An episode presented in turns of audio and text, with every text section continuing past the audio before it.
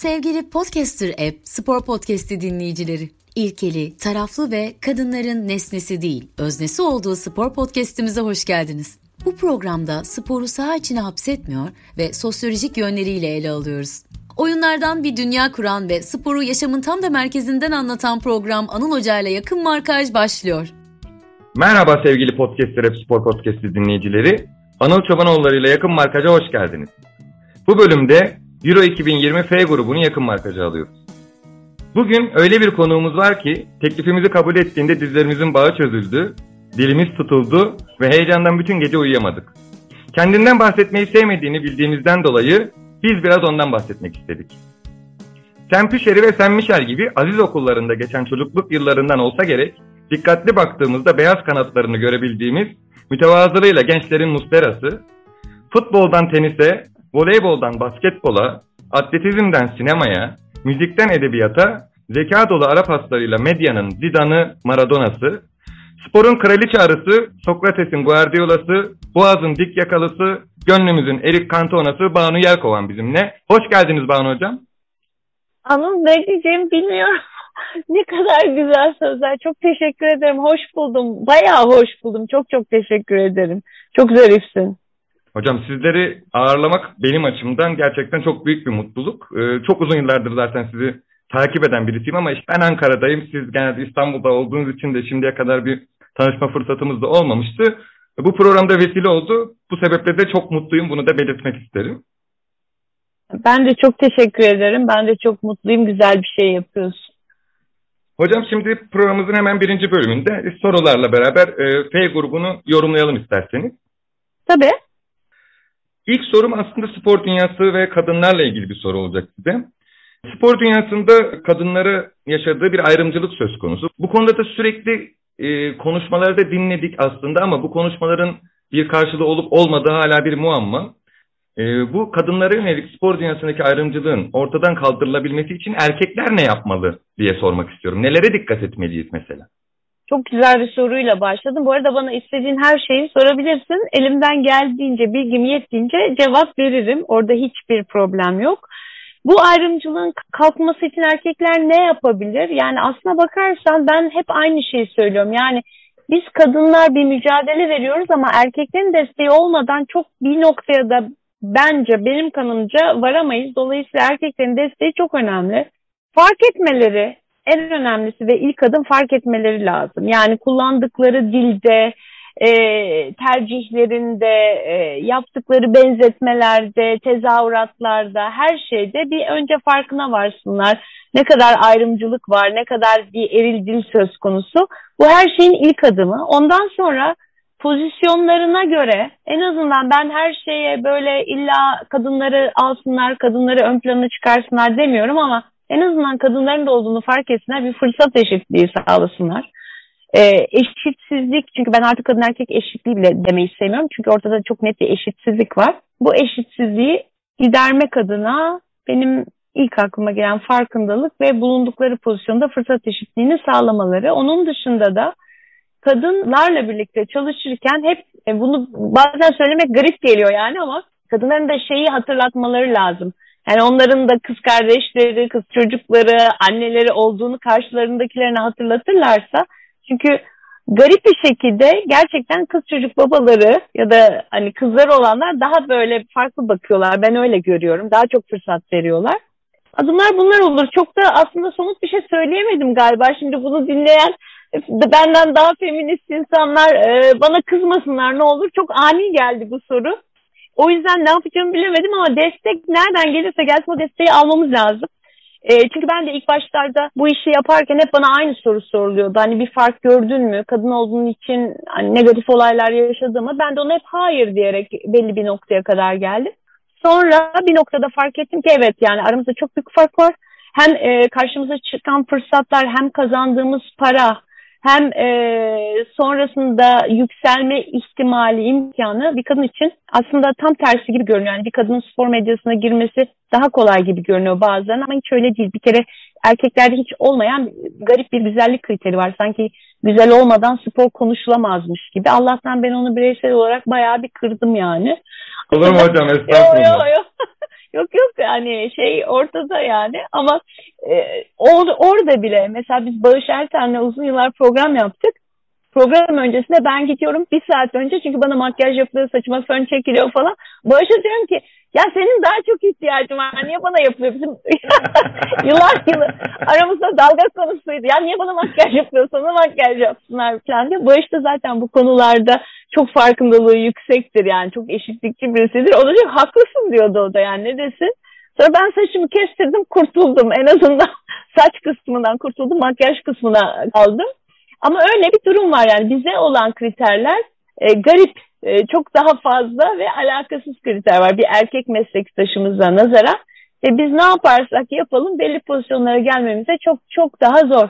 Ben kariyerimde çok aslında farklı şeyler yaptığımı çok geç anladım yani. Çünkü e, Forfortu'ya genel yönetmenliği de yaptım işte e, hani üst yani yöneticilik pozisyonuna da geldim. Sadece ekran önüne spikerin ötesinde, moderatörün ötesinde yorumcu olarak çıkmayı da onu da bir mertebe kabul edebiliriz. Onun da ötesinde bir de yöneticilik tarafı da var. Ama ben onu hep normal karşılıyordum. Ne olacak işte çalıştım çalıştım buraya geldim gibi düşünüyordum. Ama öyle değil. Bu çok tekrarlanan bir olay değil. Dolayısıyla o fırsatların e, kadınlara da geldiği gün bir şeyler değişmeye başlayacak. Sporu biz de seviyoruz yani. O alenen ortada biz de seviyoruz. Ayrıca yapıyoruz da. Kadın sporu Türkiye'de erkek sporunun çok daha ötesinde başarılı bir alan. E, buna sadece e, madalya açısından da bakmıyorum. Gazetelerde, medyada aldığı yer açısından da hani aldığı yer başarı karşılaştırmasında yani kadın sporu çok gerilerde başarılarına e, nazaran ya da işte e, sponsor desteği başarı e, ortalamasında da kadın sporu aslında çok daha ileride. E, çok az, çok daha az sponsor desteği var kadın sporuna. Bence bize daha çok yer verilmeli. Orası kesin ve net. Hocam söylediklerinizde bir şeye katılmıyorum. Ee, onun dışında hepsinde ee... mütabık. Kend, kendinizle ilgili e, söylediğiniz şeye katılmıyorum. Onun dışındaki her şeye mutabık. Hayır bizde hep şey var yani bir noktada Türkiye güzeli falan olman gerekiyordu ekrana çıkıp spor konuşabilmen için. o değişti en azından yani. Evet o, o konuda bir ilerleme sağlandı. Kadın yorumcuların olması mesela beni çok mutlu ediyor çünkü gerçekten biz yani erkek yorumcular genelde hep aynı şeylere bakıyoruz ve aynı şeyleri görüyoruz. Hı hı. Maç izlediğimizde ya da herhangi bir spor dalını izlediğimizde e, siz çok farklı bakış açılarıyla yaklaşabiliyorsunuz buna ve bu sporu geliştiren bir şey haline geliyor. Bunu kaçırıyoruz sanırım.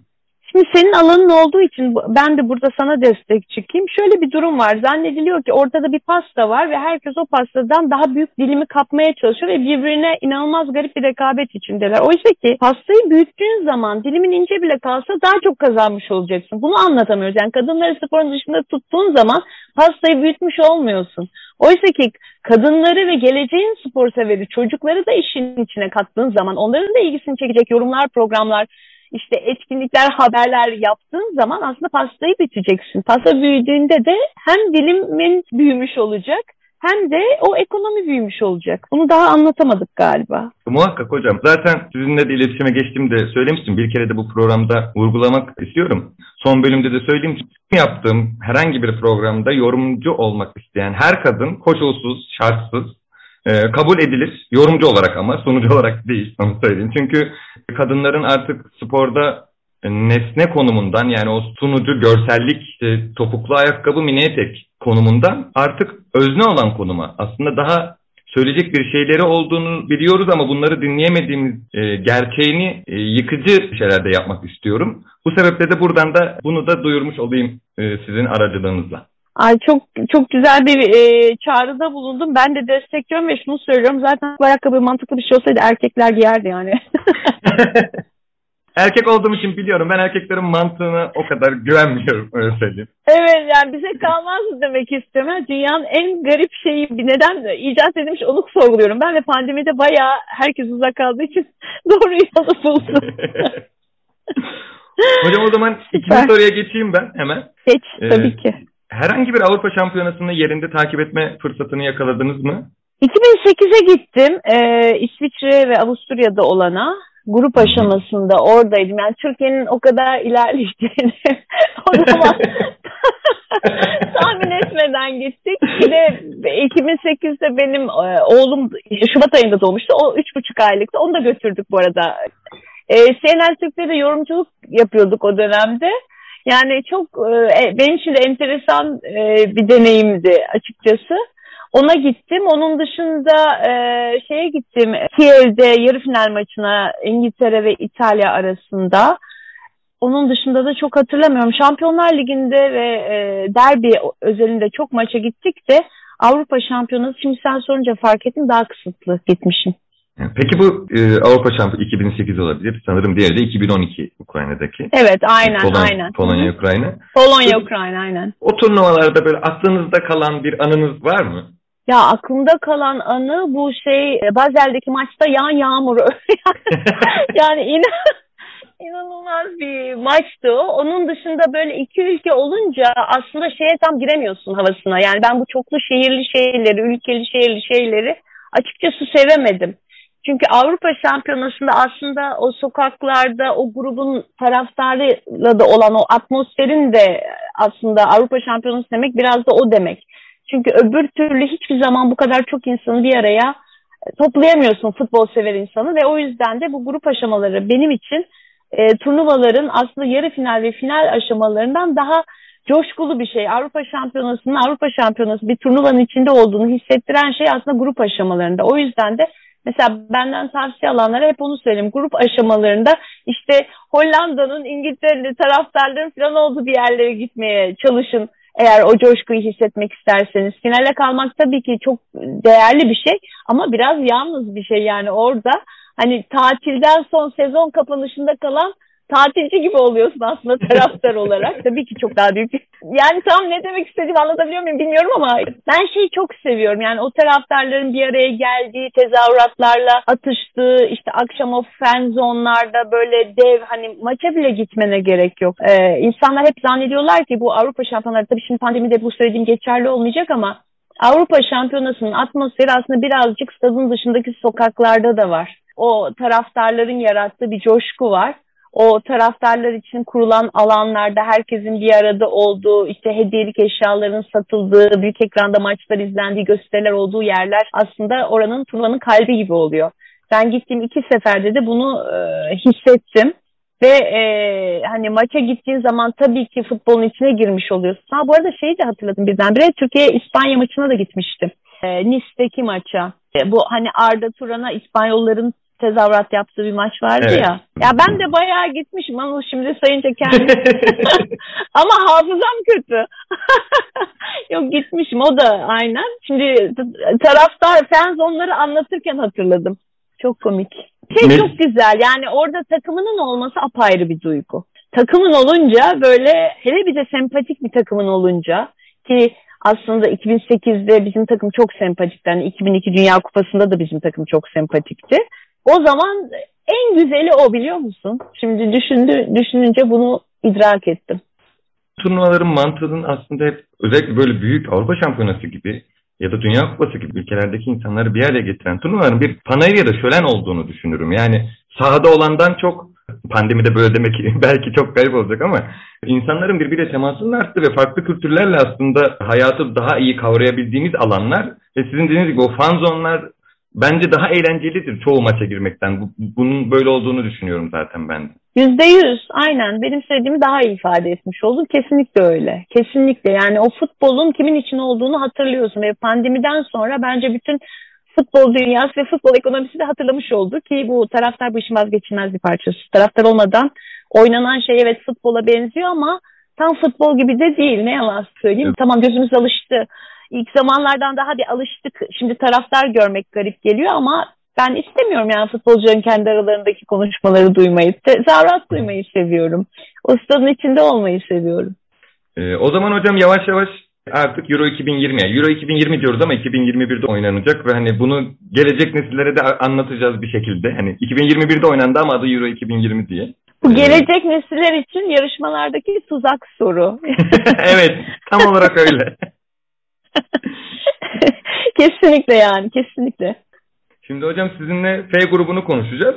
Ee, F grubu ben böyle kötü tabirleri sevmediğim için o ilk akla gelen tabiri kullanmayacağım. Yani futbolla bunların yayına gelmemesi gerektiğini düşünüyorum. En çekişmeli grup diyeyim. Bence herkes anladı zaten oradaki şeyi. E, çünkü anlamıştır. Yani Fransa var, Almanya var, Portekiz var ve zavallı diyebileceğimiz yazık ne yazık ki Macaristan var bizde. Çok haklısın. Evet turnuvanın en çekişmeli, en zor grubu burası. Yani final aşamasına yarı finalden başlamış ve Macaristan'da yarı finalin sürpriz takımıymış gibi bir grup yani. evet yani bu, bu dört takımın üçünü yarı finalde görsek hani Macaristan'da dediğimiz gibi biraz kura şansıyla e, biraz da maç performansıyla hani yarı finale gelmiş olarak görsek bu grup yarı final grubu olarak nitelendirilir. Hani aslında total olarak favorim İtalya olmasına rağmen böyle bir senaryodan da şaşırmazdım. Onu da söyleyeyim. Yok kesinlikle. Bir de bu Avrupa şampiyonaları geçen şeyde baktım. Bu son 8 şampiyonun 7'sinde hani bir e, farklı takım şampiyonu oldu. Hani İspanya iki kere olduğu için 8'inde de farklı takım şampiyon olamadı. Hani son e, 8 ama 7 farklı şampiyon çıktı. Bu şampiyonların arasında da hani Yunanistan'da var, Danimarka'da var. O anlamda belki Dünya Kupası'ndan daha sürprizli ve yarı finalde de hep çok sürpriz takımları da gördük ilk defa oralara gelen. Dolayısıyla evet bu e, turnuvanın senin dediğin gibi o kötü tabiri kullanmayalım. Yarı final grubu gibi bir grup yani o anlamda. Ve hani Portekiz'in son Avrupa şampiyonu olduğunu düşünürsek, o son Avrupa şampiyonası olurken 2016'da finalde Fransa'yı yendiğini düşünürsek, Almanya'nın zaten hani neye girse kazanmak için oynadığını da bildiğimize göre bayağı çekişmeli bir grup izleyeceğiz ve e, bu gruptakilerin bana sorarsan en büyük handikapı turnuvaya dakika bir gol bir çok hazır başlamaları gerektiği. O açıdan da oldukça zor bir grup. Çünkü turnuvalarda grup aşamaları böyle bir ısınma turu gibi olur. Sonra hani e, aslında gücünü böyle ekonomik kullanman gerekir, akıllıca kullanman gerekir, e, kadronu döndüre döndüre bir şeyler yapman gerekir. İdeal 11'i bulduğun, hani otu, oyunu oturttuğun, sonra vitesi arttırırsın sonun altından sonra. Bu grubun öyle bir şansı yok.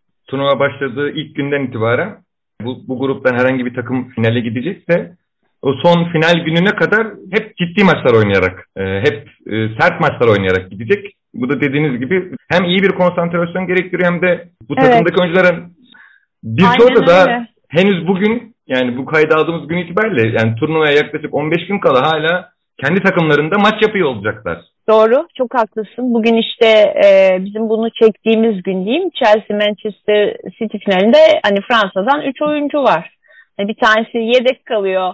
Kante genelde ama yani sonuçta e, var yani. E, geri dönüp baktığında e, Avrupa Ligi finalinden de aynı şekilde takımlara geç katılanlar oldu falan. Bir de öyle bir handikapları var. Çok haklısın. Hocam Portekiz'den de 3 oyuncu var bu arada. Manchester City'de. Ben Fransa kimi tuttum anlaşıldı galiba. Onları saymıyor.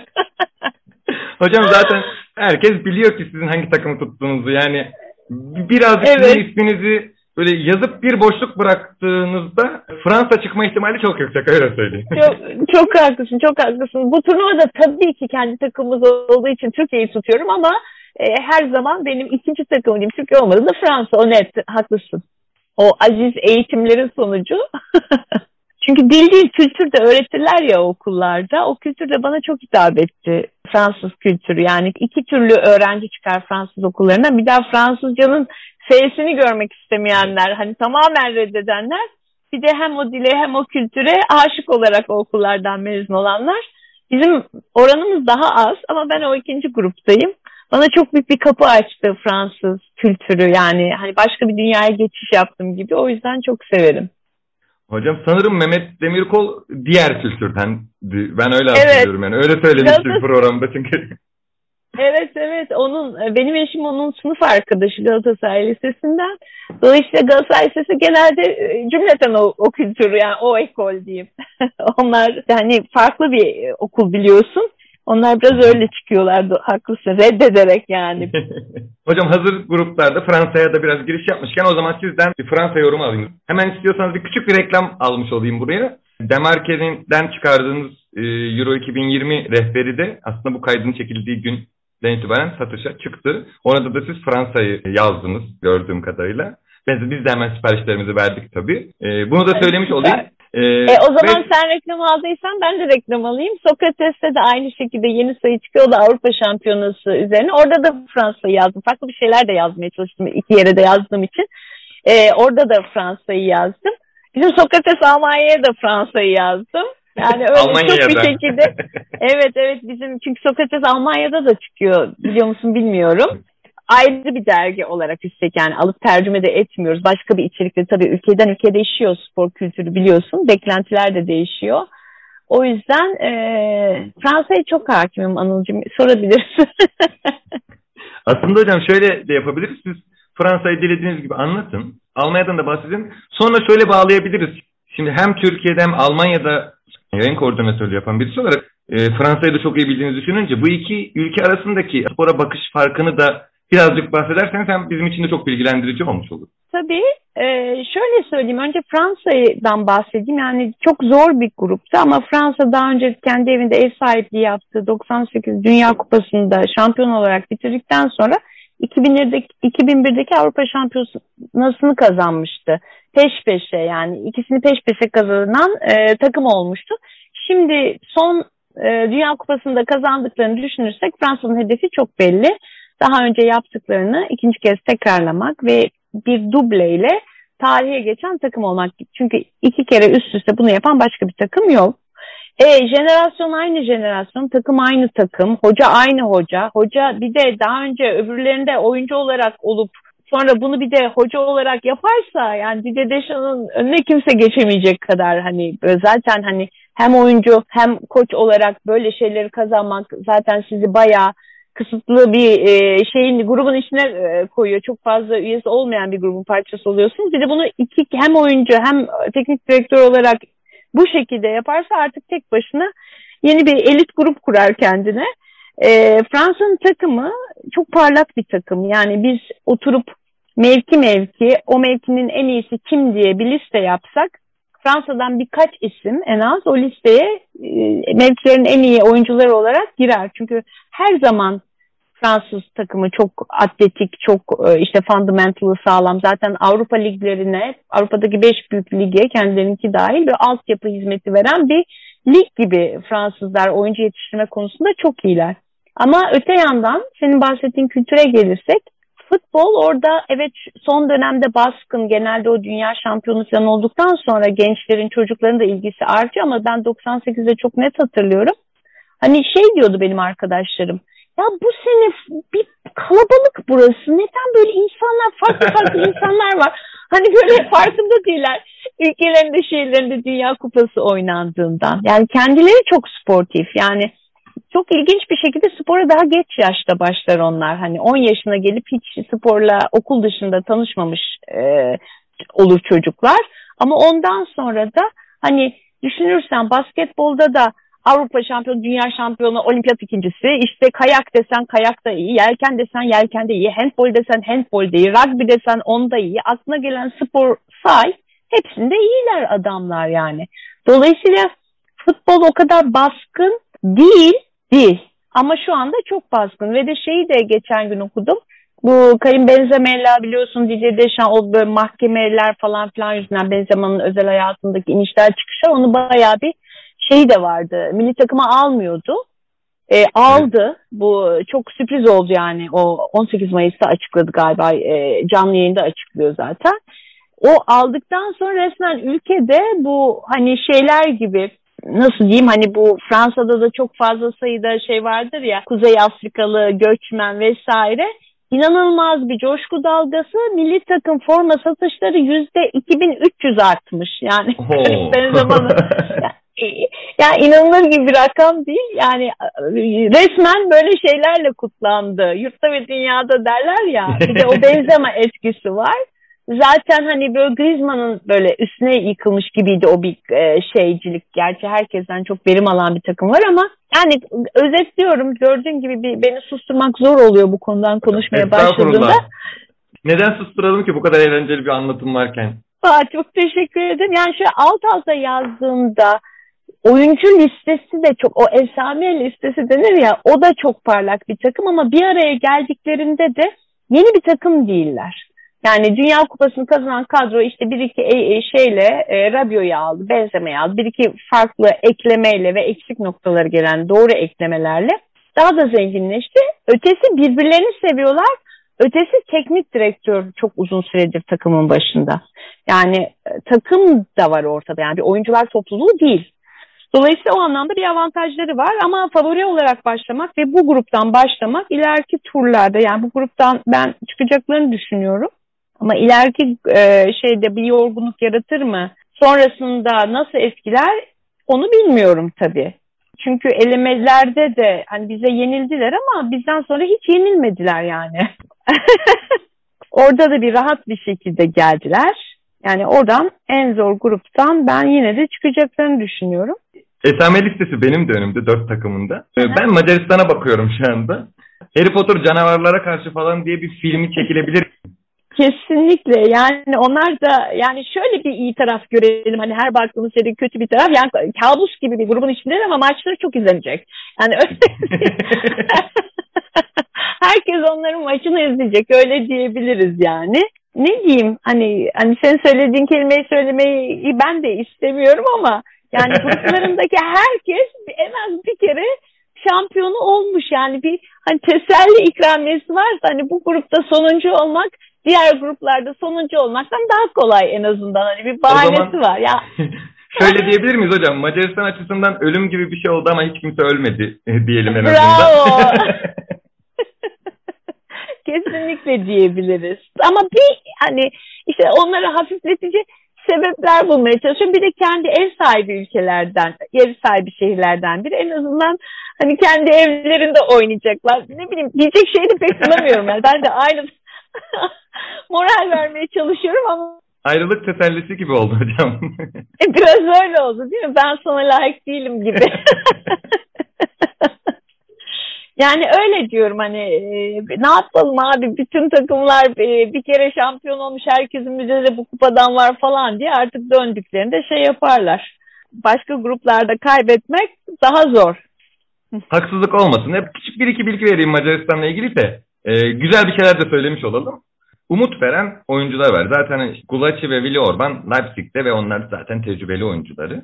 Hem Fenerbahçe'de oynayan Atilla Saray yani biz Uluslar Ligi'nde bize karşı oynarken de milli takım performansının da iyi olduğunu görmüştük. Ama sanırım belki de bu turnuvanın parlayacak olan yıldızı ve turnuva sonrasında da büyük bir transfer yapabilecek potansiyel olan yıldızı Dominik Zoboslai. Leipzig'te o da aslında. Bize karşı oynadığı maçta da ben izlemiştim. Ee, daha önce de ligdeki maçlarında da görmüştüm. Aslında e, Red Bull Salzburg'daydı. Orada da izlemiştim. Hı hı. İnanılmaz bir yetenek hocam. Yani Hatta şey deniyor Macaristan'da Puşkaş'tan sonra hani e, gelen en büyük yetenek olduğu e, söyleniyor. Ben de söyleniyor. izlediğim kadarıyla evet izlediğim kadarıyla çok yetenekli. Belki onun açısından iyi bir turnuva olabilir. Yani takım olarak olmasa bile kendi açısından iyi bir turnuva geçirebilir. Geçirebilir. Diyelim. Şunu e, ben de sana destek çıkayım o zaman. Evet kaptanları Zalai dediğin gibi e, biz de gayet iyi izliyoruz, sanıyoruz. Lider ruhlu bir oyuncu ve hani bu takımın en öne çıkan yıldızlarından biri ve önemli bir oyuncu. Ve takımın taktiksel oynayışı açısından da değerli bir oyuncu. Bakalım ne yapacaklar. Bir de ama hani bir, bir maç kazanmak ya da bir puan almak çok değerli ve önemli olacak yani hani e, Macaristan için o hatırlanacak yani üç maçı da kaybetseler bunu normal karşılarız fazla da bir şey olmaz ama bir maçı kazansalar bunu hepimiz hatırlayacağız. Bir de öyle bir şans olacak e, ellerinde. Tabii. O, tabii o yani, gözle de izleyeceğiz tabii. Kaybedecek hiçbir şeyleri yok ama bir maç kazanırlarsa çok şey kazanmış olacaklar. Böyle de çok bir aslında şey rahat, kazanmış olacak. Aynen. Rahatlık olmuş olacak onlar için.